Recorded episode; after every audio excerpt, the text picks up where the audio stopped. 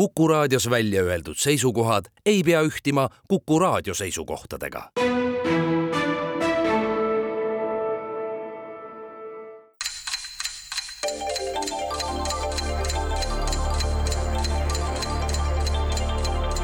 tarkade klubi targemaid küsijaid toetab lisateadmistega Postimehe raamatukirjastus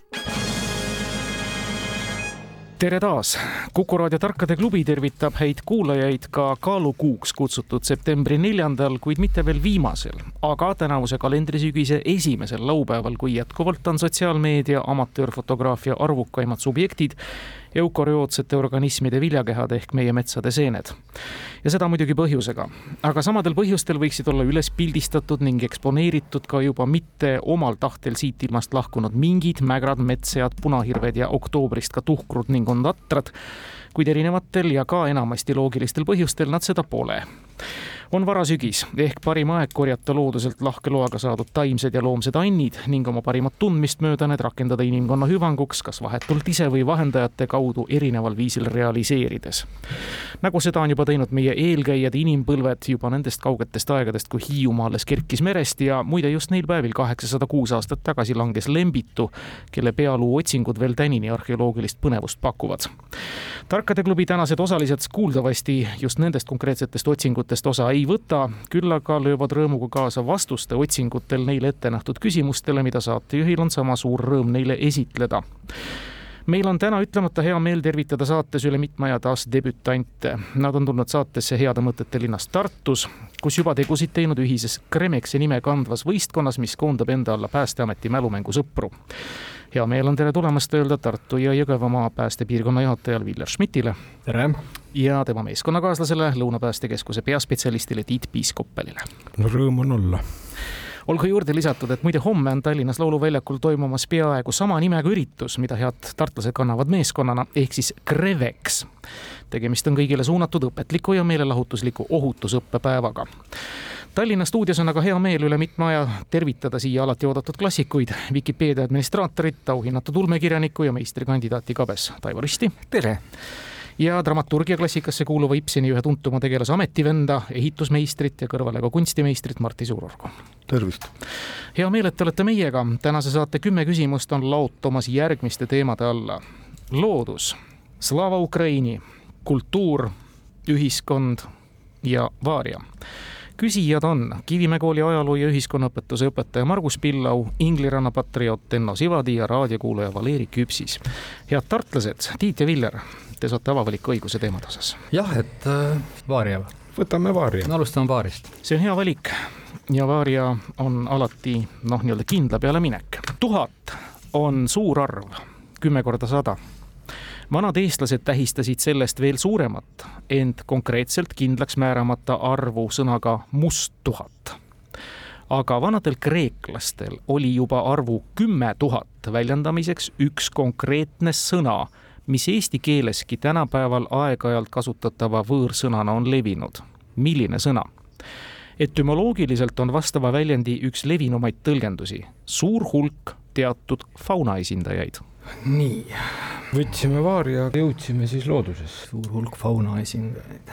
suur hulk fauna esindajaid, mitte floora esindajaid, vaid fauna esindajaid. no mis siit võiks siis olla? otsene teadmine nüüd kindlasti puudub, aga äkki aitab see loodus välja, mis meil on seal? no taksonoomilised, kuidas meil läheb, liik, perekond, äkki on areaal, populatsioon, populus, see läheb nagu Roomasse -hmm. must, no tuhat, ei Eesti siit meid ei aita. asurkond, ase, areaal, proovime veel sinnapoole liikuda, mis meil on selliseid üksuseid, kuidas nimetatakse suurt hulka, noh, igavene hunnik. jah, et no mingeid, mingeid asju on nagu, ma ei tea. hästi palju, see peab ikka ühe liigi piiresse siis jääma, ega paremat praegu siin ei plahvata, populatsioon, populatsioon on küll ühe liigi esindus mingil kindlal territooriumil. hulk hulka. hulk on määramatu populatsioonis jah, aga mis me teeme?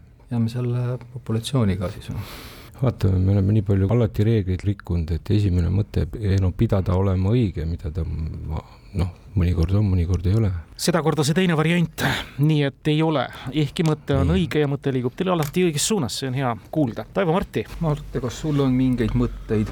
hakkame pihta siis, kuradi tosin. see on kolmteist, aga küsitakse kümmet tuhandet.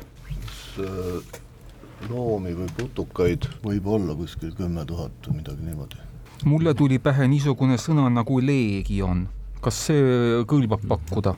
no leegion küll, aga kas mingi noh, vauna siis, ütleme siis loom või keegi sinna ette ka siiski? Ei, me loomaliiki ega loomarühma ei nimeta, seda ei ole ka küsimuses nõutud. no no siis see leegion kõlbab küll. paneme leegion. ei ole ka leegion õige vastus, õiget radu pidi kõnniti ja noh, leegion öeldakse meie poolt küsitavat, me ei küsinud seda õigemini jah.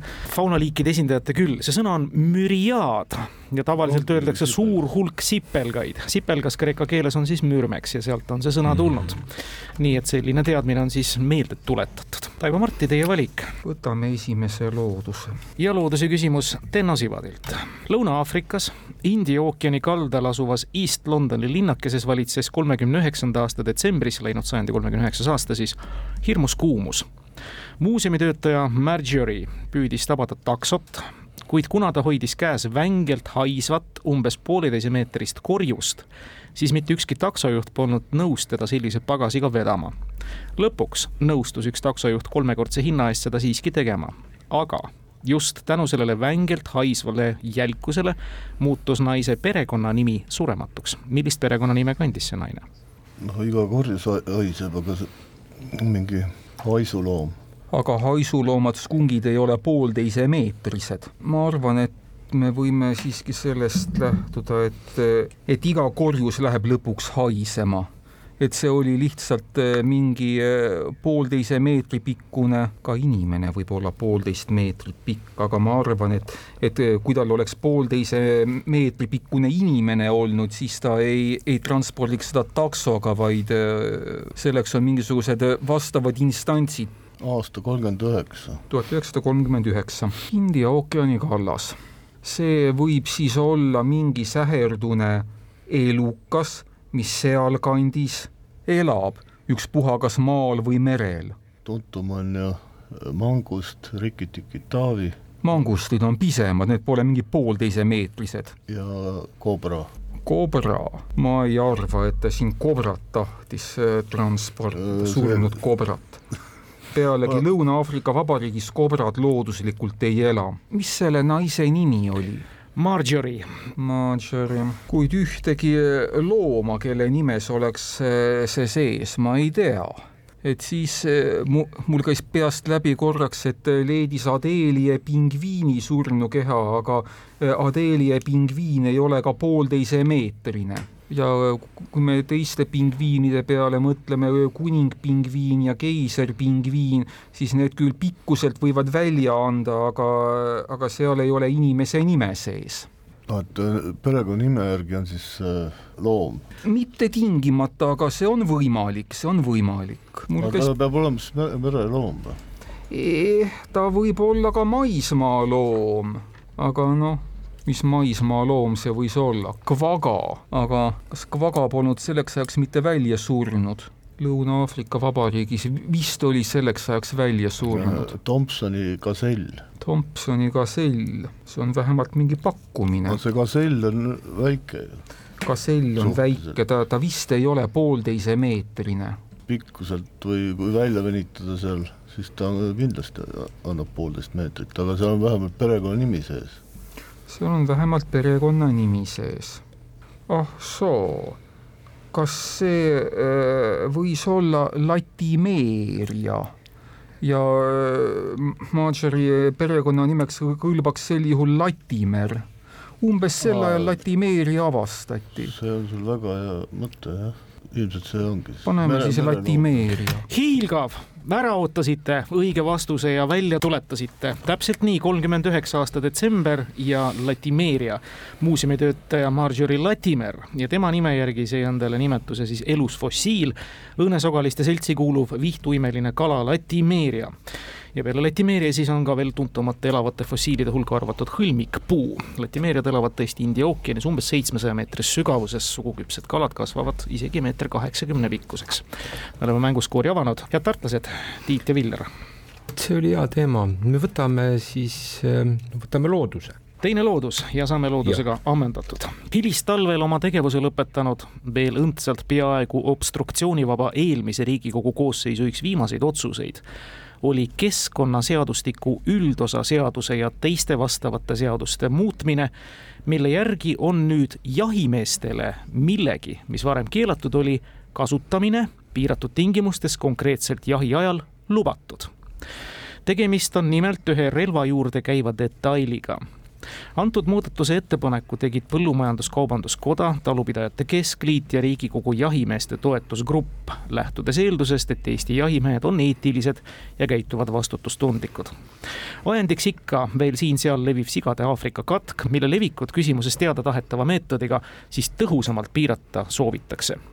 lõplikult jõustub juba aga neil nädalal koguneva Keskkonnaameti kokku kutsutud ekspertkomisjoni istungi järel see seadus kui suured jahimehed te olete? jahimehed ei ole, jahimehed ei ole ja no relvaluba ka ei ole see on muidugi huvitav, et ei ole veel. jah, aga, aga, aga relva puhul tuleb, relvade puhul tuleb vaadata seda, et, et seal on ka mingeid elemente, mis tavaliselt ei, ei ole iga relva juurde lubatud. no just ma mõtlesin, et äkki hakkame peale nagu niipidi, et kui me jahipidamise peale mõtlema, siis millega on keelatud, millega oli keelatud noh, kalapüük on ka, võtame lihtsamalt, noh, elektriga ei tohi püüda, lõhkeainega ei tohi püüda, siis on omad meetrid, kui kaugelt mingist piirkonnast tohib müüda, aga see ei vii meid praegu lähemale. tead, ma võtan praegu Tiit teise koha pealt. Aga..., mul, tead, mis mul meenub et on teatud elemendid, mis noh, et kui sul on tavarelvaluba isegi olemas, on ju, mis on nagu jahipüssi juures ka, see on seotud minu arust mingi sihikuga ma arvan, et äh, kas no liikuvast autost ka ei tohi loomulikult. ei, ei, kas, kas see võib olla öösihik, sest minu arust see öösihik ei no, ole tavarelva puhul nagu noh, lubatud. see oli ebaeetiline, võtab ära. et selle loa saamiseks tuleb minu arust eraldi midagi seal teha, jääme selle öösihiku juurde. tublid, te avate siin esmakordselt mängus osaledes ka skoori, loodusküsimused on läinud täispanga peale, tõepoolest, tegemist on öösihikuga ja öösihiku kasutamine. komplektis muide oli veel üks muudatus, kus siis ka summuti paigutamist jahirelvale ka väljaspool jahti lubatakse panna. aga öösihik on see, mida me tahtsime teada ja väga hea, et te seda teate ja ka välja tuletasite. üks-üks on mänguseis pärast kolme küsimust. jätkame, loodust enam valida ei saa, Taivo Marti. võtame Ukraina. Ukraina püüdleb ja varem või hiljem kindlasti ka saab lääneriikide hulka, eelkõige Euroopa Liitu ning NATO-sse mis Ukraina kõige läänepoolsema linna nimi on, kõlab konkreetne küsimus. kui mõne kõnealuse riigi linna nime suupärase hääldamisega raskused võivad tekkida, noh näiteks Krõpovnõtsk või Konstantšinovka, siis siinkohal küsitavaga seda probleemi tekkida ei tohiks elanikke on küsitavas ligemale üheksa tuhat, kahe suurema vähemusrahvuse esindajaid on linnas kokku ligemale kuuskümmend protsenti ja see vihje ei käinud venelaste kohta oli varem võõrvõimude ajal tegelikult küla, linna staatuse sai alles Ukraina NSV perioodil aastal tuhat üheksasada viiskümmend seitse ja sellele aitas tugevalt kaasa ka piiriäärse raudteesõlme staatus. Ukraina kõige läänepoolsem linn kaks rahvast. kaks suuremat vähemusrahvust moodustavad kuuskümmend protsenti ja peaks olema siis suupärase hääldusega. üks suupärase hääldusega linnu Lääne-Ukrainas on Tšopp, kas seda kõlbab pakkuda? on ta täitsa läänes siis? on küll no siis pakume, pakume nagu sopp. ja sellest vihjest oli palju abi, et on tegemist suupärase hääldusega, tõepoolest see linnakene on Tšop, ilukirjanduses tuntud ka nime all Javor. tegemist on Ungari ja Slovakkia piiri ääres paikneva siis linnakesega vähemusrahvustest siis ungarlased, keda ametlikult kolmkümmend üheksa protsenti on ainult veidi vähem kui ukrainlasi ja teine vähemusrahvus on mustlased kahekümne protsendiga.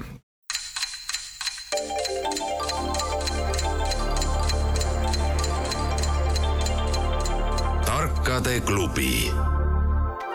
targemaid küsijaid toetab lisateadmistega Postimehe raamatukirjastus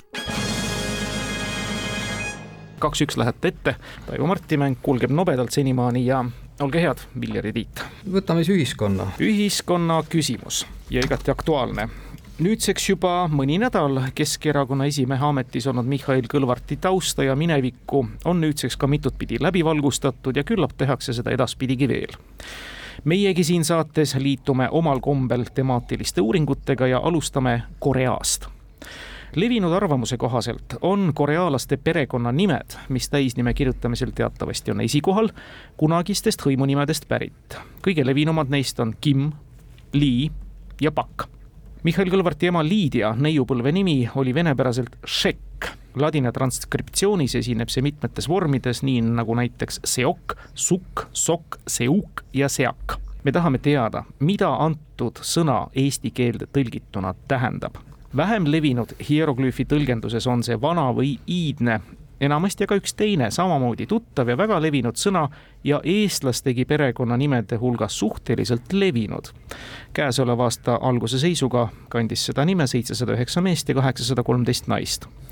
vastavat perekonnanime meie variandis siis kannab samuti üks Eesti ühiskonnategelane, kes milleeniumi vahetuse paiku ka kolm ja pool aastat oli ministriametis ja poliitikas on ta tegev siiani. küsitav sõna väljendab ühtlasi üht vastuolulist omadust millega Kõlvart võib-olla tahaks, et teda seostatakse, aga võib-olla ka mitte. Nonii, Kõlvardist ei saa üle ümber praegu. ma saan aru, et me peame otsima praegu ikkagi eesnime. ei, perekonnanime. konkreetse tähendusega perekonnanimi puunimed on väga levinud, piinlik on muidugi see, et korea keele oskusega ei saa hiilata. võtame sellest ministrist kinni, milleeniumi vahetusel nime tähendus võiks siis olla vastuoluline. kolm pool aastat minister, päris pikalt ei tule isegi enam meelde, mis valitsus sellel ajal oli. Reformierakond võis küll olla ikkagi sees mängus. perekonnanimi vastuoluline, noh, siis on, peab mingisugune omadus olema või omaduslik no kirjeldus, õiglane, võõras, helde. mida Kõlvart võiks, võiks soovida, aga võib-olla ka mitte võtame niipidi, mida Keskerakonna uus esimees ei, ei sooviks olla, ebakindel ebakindel, ebapopulaarne. ebapopulaarne, nõrk ta ka ei taha olla. kõva. kõva, kõva oli meil jah, kõva, no kes kõva ei tahaks olla? ma ütlen selle omaduse kohta veel nii palju, et küsitav sõna väljendab ühtlasi üht vastuolulist omadust.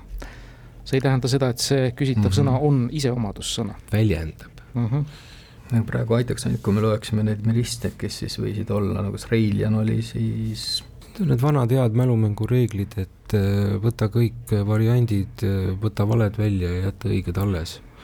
ühesõnaga kõik ministrid ja siis ongi käes vastus, aga ei tule. no mis pakume? ei tea, mis valdkonna minister või sihukest vihjet on vist juba palju tahta? jah, ei saa seda kahjuks anda. ei saa jah? ei saa tõesti.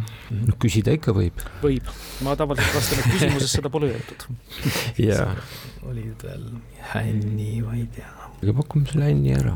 Hänni Liia Hänni, ei ole see kahjuks õige vastus. Taivo Mart. Mm, kui palju neid inimesi oli, kes seda perekonnanimena kandsid? kokku üle tuhande viiesaja, seitsesada üheksa meest, kaheksasada kolmteist naist. see on siis suhteliselt levinud perekonnanimi, tundub. ja siis suhteliselt levinud perekonnanimega minister, kes oli sajandivahetuse paiku poolteist, kolm ja pool aastat minister suhteliselt levinud nimi, aga Ligi ei saa pakkuda, sest eh, Ligi on olnud minister rohkem kui kolm ja pool aastat. Kallaseid on rohkem kui tuhat viissada. kuule, kes see oli, kes läks Europarlamenti eh, ja eh, esindas maamehi ja, ja, ja pärast sotsiaaldemokraate? Padar. Padar, Padar, Padar ei ole mingi vastuoluline omadus tänasest päevast võib-olla võib-olla. mis omadused on? suur, väike, pikk, lühike, paks, peenike, niisuguseid eh, ministreid ei ole olnud ju. laisk, virk. jah, selliseid ka ei ole olnud ministreid. nagu öeldud, me ei küsi omadussõna, vaid ka sõna, mis väljendab üht vastuolulist omadust. ja, ja, aga millal eh, Tiiu Aro oli, oli minister? kus Aroga siis peaks olema Aru võib-olla no aga äh, Aro, see on ju äh, ütleme. see on murdes. murdes või siis vana-eesti kõnepruugis see võiks olla vastuoluline omadus, mida Kõlvart võib-olla tahab ja võib-olla ei taha. minu mäletamist mööda Aro oli, oli minister rohkem kui ühes valitsuses. tal võib kokku olla kolm ja pool aastat, aga ma ei ole sellegipoolest kindel, et see oli õige. nagu pühitud need inimeste nimed, aga näed perekonnanimena ikka. ja näed, ma aeg-ajalt ikka mõtlen, et, et vaataks neid eh, eelmisi ministrite kabinette põhjalikumalt ja uuriks, kes seal on palju minister olnud, aga ikka on niisugune asi tegemata jäänud. Isamaat enam ei olnud seal või? Äh, kuule, Isamaa võis olla seal valitsuses, aga tunne Kelam. seda nime ei kanna tuhat viissada inimest. Kelam on üks väheseid, kes seda nime üldse Eestis kannab. seda küll, jah. ja siis äh, Res Publica tulek koos Juhan Partsiga oli, oli veel ees. nii et Juhan Partsi äraostmatud või võib maha äh, võtta, kui nad mingi kaks tuhat kolm võitsid, see ei ole ju sajandivahetuse paiku. peaminister enne Partsi, no Siim Kallas vist oli, Vähi, Siimann oli ka. Vähi ei vihja just eriti vastuolulisele omadusele. nii et see küsitav ei ole peaminister, ta on mingisugune muu minister olnud. Ilves oli tollal minister, sotsidest Nestor, aga Nestori nimelisi ei ole minu meelest Eestis tuhat viissada. ei ole, ei ole. kes seal sotsidest veel olid? Ministrid. no näed, kui ei tule midagi meelde, siis äh, pakume selle Tiiu Aro ära. oled nõus või? muud ei ole pakkuda. ei tule muud pähe, pakume Tiiu Aro. ei ole Tiiu Aro, aga meie poolt küsitav minister oli tõepoolest naisterahvas ja on siiani aktiivses poliitikas. see nimi, mida me küsime, on Kivi, Signe Kivi. ja Kivi on perekonnanimi, mida tõesti kannab palju inimesi ja ta on levinud ja omadus siis jah, noh, Kiviga väljendatakse ikka omadusi ja Mihhail Kõlvartiga seda seostatakse, kas talle see meeldib või mitte, ei tea, sest et ta on nagu kivi. Tallinn kaks, Tartu üks poole mängu peal, me jätkame, Taivo Marti saavad valida teema. Võtame teise Ukraina, Ukraina.. aastail tuhat seitsesada kuuskümmend kuus kuni tuhat kaheksasada kakskümmend kaks elas ja toimetas mees nimega Armand Emmanuel Sophie Septimani de Vignereau Duplessis nõnda uhket kodaniku nime kandis mees, keda loetakse tegelikult kaasaegse Odessa linna rajajaks. oluliselt tuntum on aga see tähtis mees oma hertsogi tiitliga kaasnenud nimega ja me küsime, millise nimega. konkreetne Duplessis oli viies selle hertsogi tiitli kandja. hertsogi tiitli loojaks või esimeseks pälvijaks oli sada kolmkümmend seitse aastat enne Odessa linna looja sündi üks tema isapoolsetest vaarisadest, Prantsusmaal tuntud vaimulik sada kolmkümmend seitse aastat äh, enne selle äh, Duplessis sündimist. just. teeme siis lahutamise tehte tuhat kuussada kakskümmend üheksa. kakskümmend üheksa. sel ajal Prantsusmaal valitses äh, Louis, mis see oli, neljateistkümnes ja temal oli kardinal Richelieu paneme siis oota, mis, mis sa hertsogi tiitliga kaasnenud nime. Arm-, Armand on nagu see oli kodaniku nimi, mis ma just lugesin. see, see oli kodaniku nimi ja selle kardinal Richelieu eesnimi, kui ma õigesti mäletan, oli, oli vist ka Armand. oli küll jah, siis ilmselt ongi see. paneme, paneme siis Richelieu. on tõepoolest, de Richelieu, sellesama kardinali Richelieu järeltulija valitses siis kaheksa aastat ka Odessa kubernerina Tallinn kolm, Tartu üks pärast kuut küsimust, Tiit ja Viljar, teie valik. võtame kultuuri siis. kultuuri esimene küsimus, alustuseks nüüd kolm laenu Eesti luulevaramust. esiteks, mu hinges koos on munk ja sübariit, ei tea ma, kumba enam, kumba vähem. teiseks, oo, hingest ma ei räägi, see on eetriline, põnev, väljuv oma harilikust vormist. ja kolmandaks ma olen kanatiib, mille on kulland raju, ma olen jäämäe öökuub ning köietantsija nutt. loetud said niisiis katked kolme Eesti luuletaja Artur Alliksaare, Johannes Vares Barbaruse ja Ilmar Laabani luuletustest, mis kõik kannavad täpselt sama pealkirja. me küsime, millist pealkirja. tegemist on loovas kultuuris üsna levinud pealkirja või signeeringuga luulekogude pealkirjad. luuletuste isegi. luuletuste Luulet, pealkirjad. aa, luuletuste pealkirjad. kõige tuttavam oli siit Alliksaare esimene. kas meil on palju luuletusi nimetatud? mida nad iseloomustavad, sellised väljavõtted? no eks läks meelde ka, kanatiib. köietantsija, nutt no see on ikka päris kurb. iseloomustavad ise. no eks ta ikka otsing on sihuke valu ja vaev mõnikord ja iseeneseotsing ja no mis meil need, no vorme on, no mis siit meenub, kui võtta, mis on kunstiteosel, no see ei pea ainuüksi olema luuletus, see võib ka siis pildi, maali, mingis kujutavas no kunstis olla millegi pealkiri. eleegia, selliseid asju on palju Viljar, millal sa lugesid viimati mõnda luuletust? luuletuse lugemine on, lapsele või? ei ole pealkirjagi hea. kes see seda pealkirja ikka vaatab, minnakse ju ikka luuletuse sisse, ajalehest loed pealkirja mm,. sonett, noh, need on nagu mõõdulised vormid. no spliiniga pole siin ka midagi pistmist, eks ole, spliin on ikka Baudelaire'i ampluaa, midagi iseloomustava koha pealt, et kui sa sisekaemus. no aga sihukest luuletuse pealkirja praegu kohe ei seeda ju keegi romant, no mis siin nüüd romantilist oli? ei olnud, ei tundunud. kuidas kellelegi sonett, mis sellest eleegilisest variandist arvad? eleegiline, üks kurb, kurvapoolne peab olema siis kumba siis julgeme pakkuda, ega siin me oleme praegu, lähme eleegia peale või mis sa arvad? Ega meil siit väga palju, anname siis noh, esimene mäng ka meile, anname ikka konkurentidele võimalust, et neil on Jah. nagu jääte paneme peale. Te olete väga vastutulelikud ja toredad. ei ole kahjuks jah, õige vastus. kolmas oli vist Ilmar Laaban, eks ole. kas saaks Ilmar Laabani luuletust ja kuulata? ma olen kanatiib, mille on kulland raju, ma olen jäämäe öökuub ning köietantsija nutt. ma vaatan, et kahes esimeses äh, luulekatkes on sees sõna hing ja Laaban kah äh, räägib kuidagi hingest. nii et ma ei, ei imestaks põrmugi, kui nende kolme luuletuse ühine pealkiri oleks hing. mida sa arvad, Martti, kõlbab pakkuda hing või? kõike võib pakkuda, nagu sa ütled alati. jah, aga kas äh, loovas kultuuris on, kas sa tead niisugused, võtame siis kujutavat kunsti, on ikka mõeldud, kas on seal? miks mitte paljud selle hinge, hinge pealt siis vastata või? nojah, paljud sellepärast, et kahes esimeses luuletuses sõna hing on sees ja, ja kolmas ka sisuliselt hingest ju räägib. ja mina, minast räägitakse ka. jah, ma mi, mina, mina vormi nimetatakse teisiti?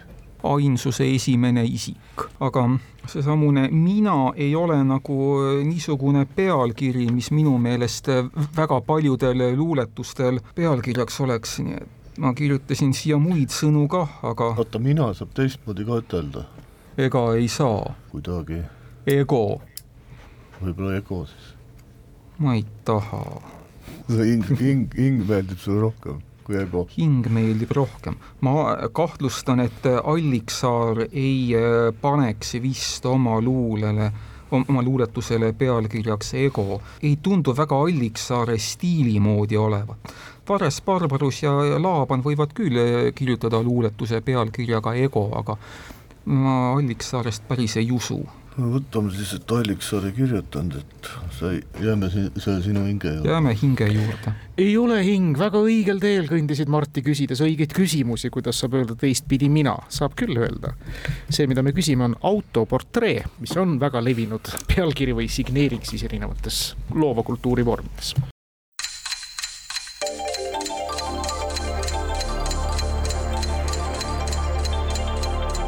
tarkade klubi targemaid küsijaid toetab lisateadmistega Postimehe raamatukirjastus. kolm Tallinn, üks Tartu, me jätkame. Taivo Marti.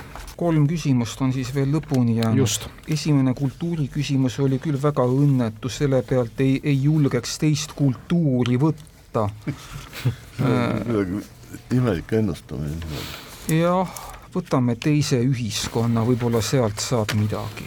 saab ikka, lisaks Tarkade klubile jälgite teiegi ehk tänased auväärsed mängijad ja kuulajad loodetavasti veel mõnd Kuku saadet. äkki kuulub nende hulka ka Kahe vahel, kus me hiljuti samuti riigikontrolöri Janar Holmiga kõnelesime ja ta meie pihtide vahel oli. ja nüüd üks küsimus sellest saatest. härra Holm rääkis muuhulgas, et Eesti Vabariigi riigiteenistujatest on teenimatult jäänud varju proua Juta Maar, kes oma põhitöös väärib igakülgset kiitust.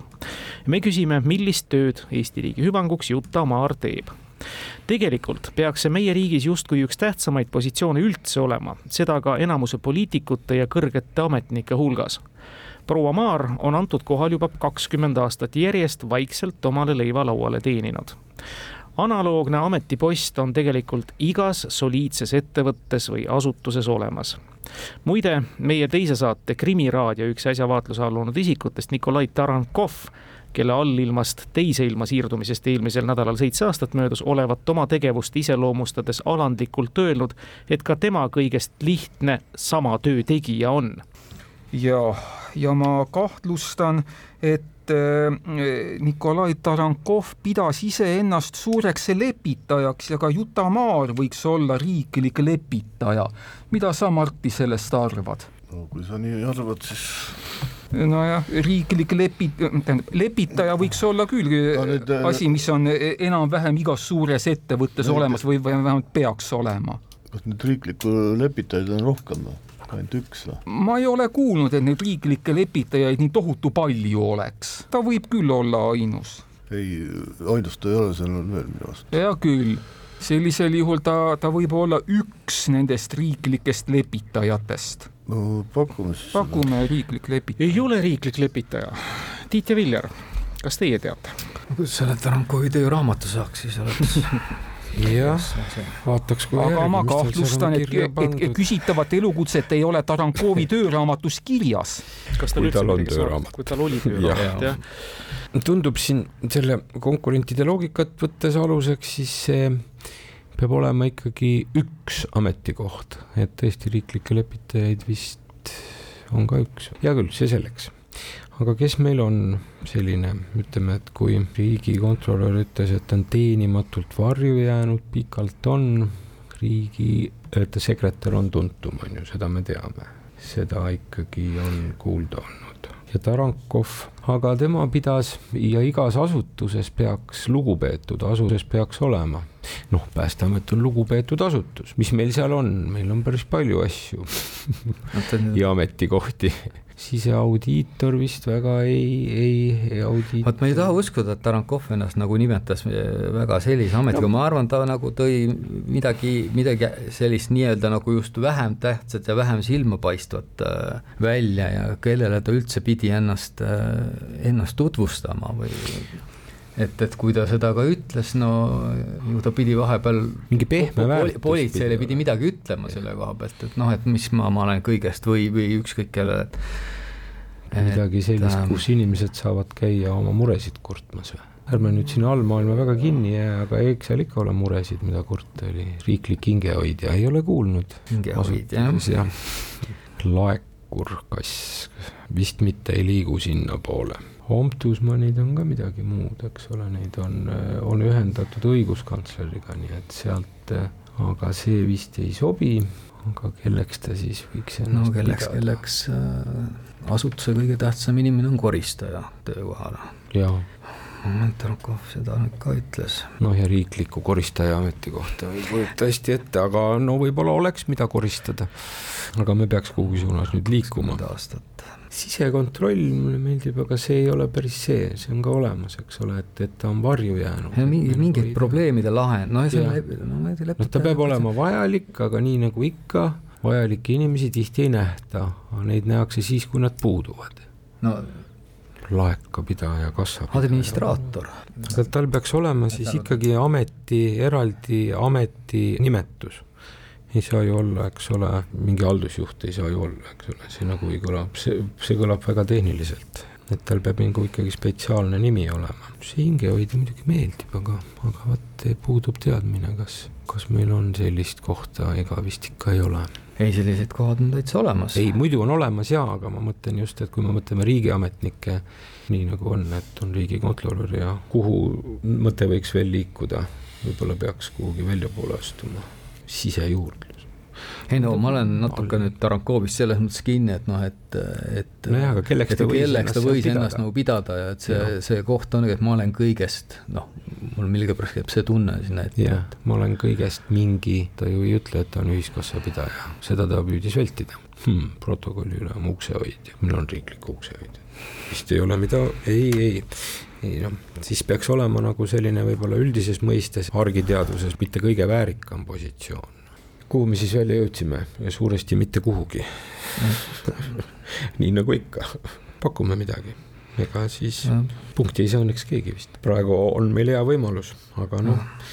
no ma ei tea, jääme hingehoidja juurde, et see on vähemalt ilus vastus. väga ilus ja muide, riiklik hingehoidja on täiesti olemas, Sotsiaalministeeriumis töötab täitsa peakaplan no., aga see, kelle kohta me Juta. küsime, Juta Maar, tema on riigi pearaamatupidaja.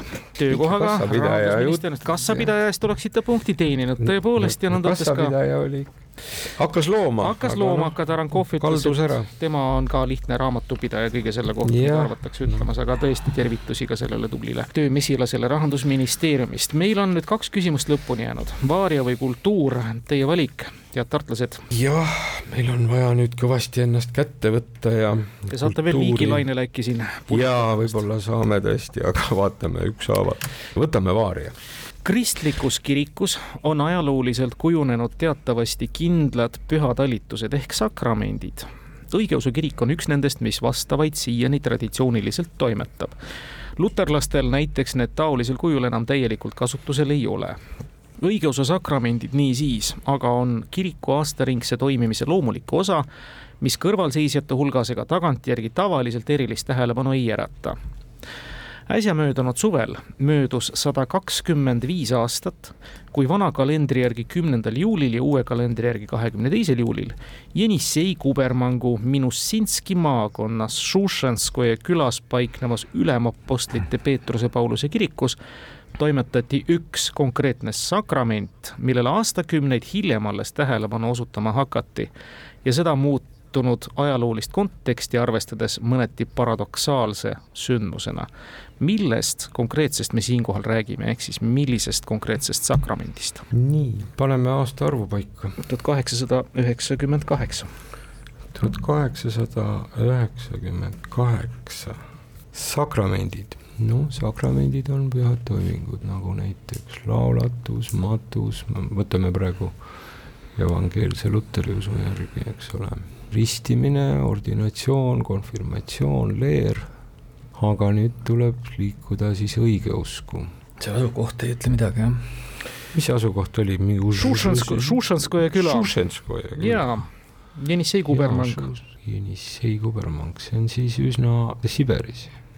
sakrament pühakuks kuulutamine tuhat kaheksasada üheksakümmend, mis meil oli? tuhat kaheksasada üheksakümmend kaheksa. kaheksasada üheksakümmend kaheksa. jah, aastakümneid hiljem hakati sellele tähelepanu osutama ja seda muutunud ajaloolist konteksti arvestades hakati seda hindama paradoksaalse sündmusena. midagi päris vastuolulist siis mm. -hmm. luude ümbermatmine ei ole sakrament, matus on sakrament. kaks aastat enne, enne sajandivahetust. no tõenäoliselt me sinnamaani ei jõua, et mis seal siis nüüd täpselt juhtus või tehti mis võiks olla siis selle sakramendi? tehti midagi ära, siis ei tundunud see midagi erilist. piht, ka piht on üks sakrament, jah. Aga õigeusu maailm on meist märkamatult mööda libisenud. millegi pühitsemine või ja vastuoluline, vastuoluline siis vastuoluliseks, siis muutus ta hiljem. tule vist seda viike ära. no te püüdi kohta läheb teil ikkagi väga hästi. kui ka, kui ka no peaks tulema. aga asja juurde, äkki pühitseti midagi sisse, pühitsemine iseenesest võib ju õigeusu kirikus olla sakrament, aga mida siis pühitseda? mida pühitseda? Tsaari lõpuni oli ka veel aega. ei, tsaari lõpuni aega yeah., Nikolai teine oli juba võimul. äkki nad ikka flirtisid, kui no tegu on, on Venemaa, siis tõenäoliselt Moskva patriarhaat, eks ole, mis on praegu aktuaalne, lugupeetud patriarhaate on viis mingi, mingi lipu pühitsemine või kas sellel mingit suurt konflikti ei olnud, kus võis jälle minna kirik, kirikuabi vaja, õigeusu kirikuabi? Sellel ajal ei tea. vastuoluline, äkki, äkki nad kandsid õnnistust mingile relvale või mingisugustele relvadele, aga sakramendile liikumisele. vanausulistega olid juba ammu probleemid lahendatud. äkki on see, ei noh, seal ei lepitud nagu kordades kokku, need on ikka, ma arvan, et see oli mingisugune akt, noh, midagi tehti, eks ole. ja, mis sa arvad, pakume millegi õnnistamist, kuhu me nüüd siis jõudsime, algus on juba meelest mm. läinud, et vaatame neid meie sakramente veel. Ristimine, leer, konfirmeerimine, laulatus, matus, ordineerimine, piht on ka põhimõtteliselt olemas, aga ma ei tea, mulle nagu sellises mingi, mingisuguses imelikus mõttekonstruktsioonis tundub, et äkki, äkki, äkki, äkki nad äh, õnnistasid mingit relva, mida neil parasjagu vaja oli riigil jääte selle juurde? no eks pea jääma. ei ole kahjuks õige vastus, aga ei, tore, et arutlesite ja väga tore, et erinevaid sakramente tunnete ja ka meelde tuletasite siin paljudele kuulajatest, palun, Taivo Marti. Šušanskoje küla mm, tuletab mulle meelde seda, et sinna külasse oli Lenin pagendatud ja me mõtlesime, et tuhande kaheksasaja üheksakümne kaheksandal aastal võidi Lenin laulatada selles külas väga õige, väga hästi välja tuletatud ajalooline teadmine ka veel juures, kuhu oli pagendatud Vladimir Uljanov Lenin ja tema ning Nadežda Krupskaja abiellumise sakrament toimetati seal ja tollal siis seal asumisel viibinud mõlemast laulatatust said hiljem siis ateistliku riigi rajajad, selles seisnes paradoks. neljas punkt teile, tallinlased, ja sellega te siis kindlustate ka tänase võidu, suurepärane, eks ole, ja saate kuulda ka viimast küsimust, mis täna on kultuurist. kui see kirjanik elanuks ja töötanuks Euroopas, kandnuks tema tuntuim teos pealkirja Celsius kakssada kolmkümmend kolm kes või kui soovite poole punktiga vastata, millist düstoopilist romaani me peame silmas? see on Ray Bradbury Fahrenheit, mis oli nelisada viiskümmend üks välk vastus sisuliselt ja no vot nüüd kahetsege, et kultuuri varem ei võtnud. aga seal veel no, aga vahet. viies punkt Tallinn teile ja suurepärane vorm, see on Ray Bradbury Fahrenheit neli viis üks. pealkirjas märgitud arv tähistab siis paberi süttimise temperatuuri ja Celsiuse skaalal on sama väärtus kakssada kolmkümmend kolm kraadi peategelaseks on siis tuletõrjuja, nii et muidugi päästeametnikud oleks seda väga hästi teadnud, eks ole, kelle põhitööks on tuleviku ühiskonnas raamatuid põletada. kuulge, suurepärane mäng on olnud teiega ja väga vahva tund koos veedetud. Taivo Marti on saanud võidu Tiidu Villeri üle, kes on väga tubli debüüdi teinud.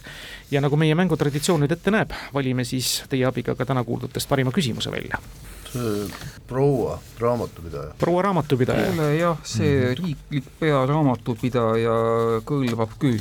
ehk siis Utamaari puudutav küsimus, mida Tiit ja, ja Viljar arvavad? täitsa nõus. see oli päris jah, see oli päris huvitav, et siit on siis muidugi siin paljud küsimused ju, mida ei tea, võisid olla, on head aga ei, meil ei ole, meil ei ole üldse kolleegidele mingeid vastuväiteid, see oli hea küsimus. ma peaks ütlema, et äh, latimeeria küsimus on ka hea, sellepärast et ma ei teadnud latimeeria nime saamislugu nüüd me teame seda ka ja saame siis ka Tenno Sivadile võib-olla Ingliranda siis auhinnaraamatu läkitada. suur tänu teile, Tiit Viljar, tulemast, head tartlased ja aitäh teile, Taivo Marti, siia Tallinnasse tulemast. ilusat sügise jätku ja uute kuulmisteni. hoolega hoitud auhinnad toob kohale Smartpost Itella. lõpetame saate taas kuulajamänguga eelmisel laupäeval lõpetas saate küsimus Briti leiutaja ja relvameistri James Buckley kohta, kes kaheksateistkümnenda sajandi alguses patenteeris oma kuulsa Buckle Gun'i ehk ühe tänase kuulipildujate eelkäijatest. toonaseks ajaks seninägematult efektiivne masin suutis tulistada üheksa lasku minutis ja vähe sellest, Buckle disainis masinat tulistamaks kahte sorti kuule, silindrikujulisi ning kuubikukujulisi ja seda konkreetsel eesmärgil. küsimus kõlas, kelle laskmiseks olid mõeldud pakli kuulipildujast silindrikujulised, kelle tulistamiseks aga kuubikukujulised kuulid? õige vastus on, et pakli ideed mööda pidid silindrikujulised kuulid olema mõeldud kristlastest või laiemalt siis mittemoslemitest vaenlaste vastu. aga kuubikukujulised, mis rohkem kahju teevad, moslemite ehk toonaste arusaamade järgi Türgi moslemitest vaenlaste vastu see fakt osutus kuulajatele üsna hästi teadaolevaks. kõige õigesti vastanute vahel naeratas loosiõnn kuulaja Kerli Lehtmetsale. palju õnne, teiega võtame ühendust. uus nädala küsimus kõlab järgmiselt. kolmekümnendal oktoobril tuhat üheksasada kolmkümmend kaheksa kõlas häire kõigile New Yorgi sadama reidil ankrus seisnud USA sõjalaevadele kõik laevade isikkoosseisu liikmed pidid olema valmis kaitse- või ründetegevuseks. küsimus kõlab, kelle vastu või miks anti tol päeval sõjalaevadele nõnda tõsine häire?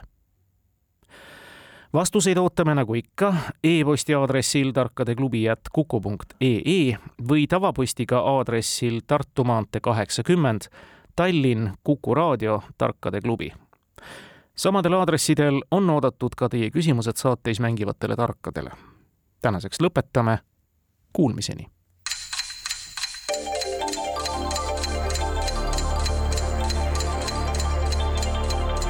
tarkade klubi. targemaid küsijaid toetab lisateadmistega Postimehe raamatukirjastus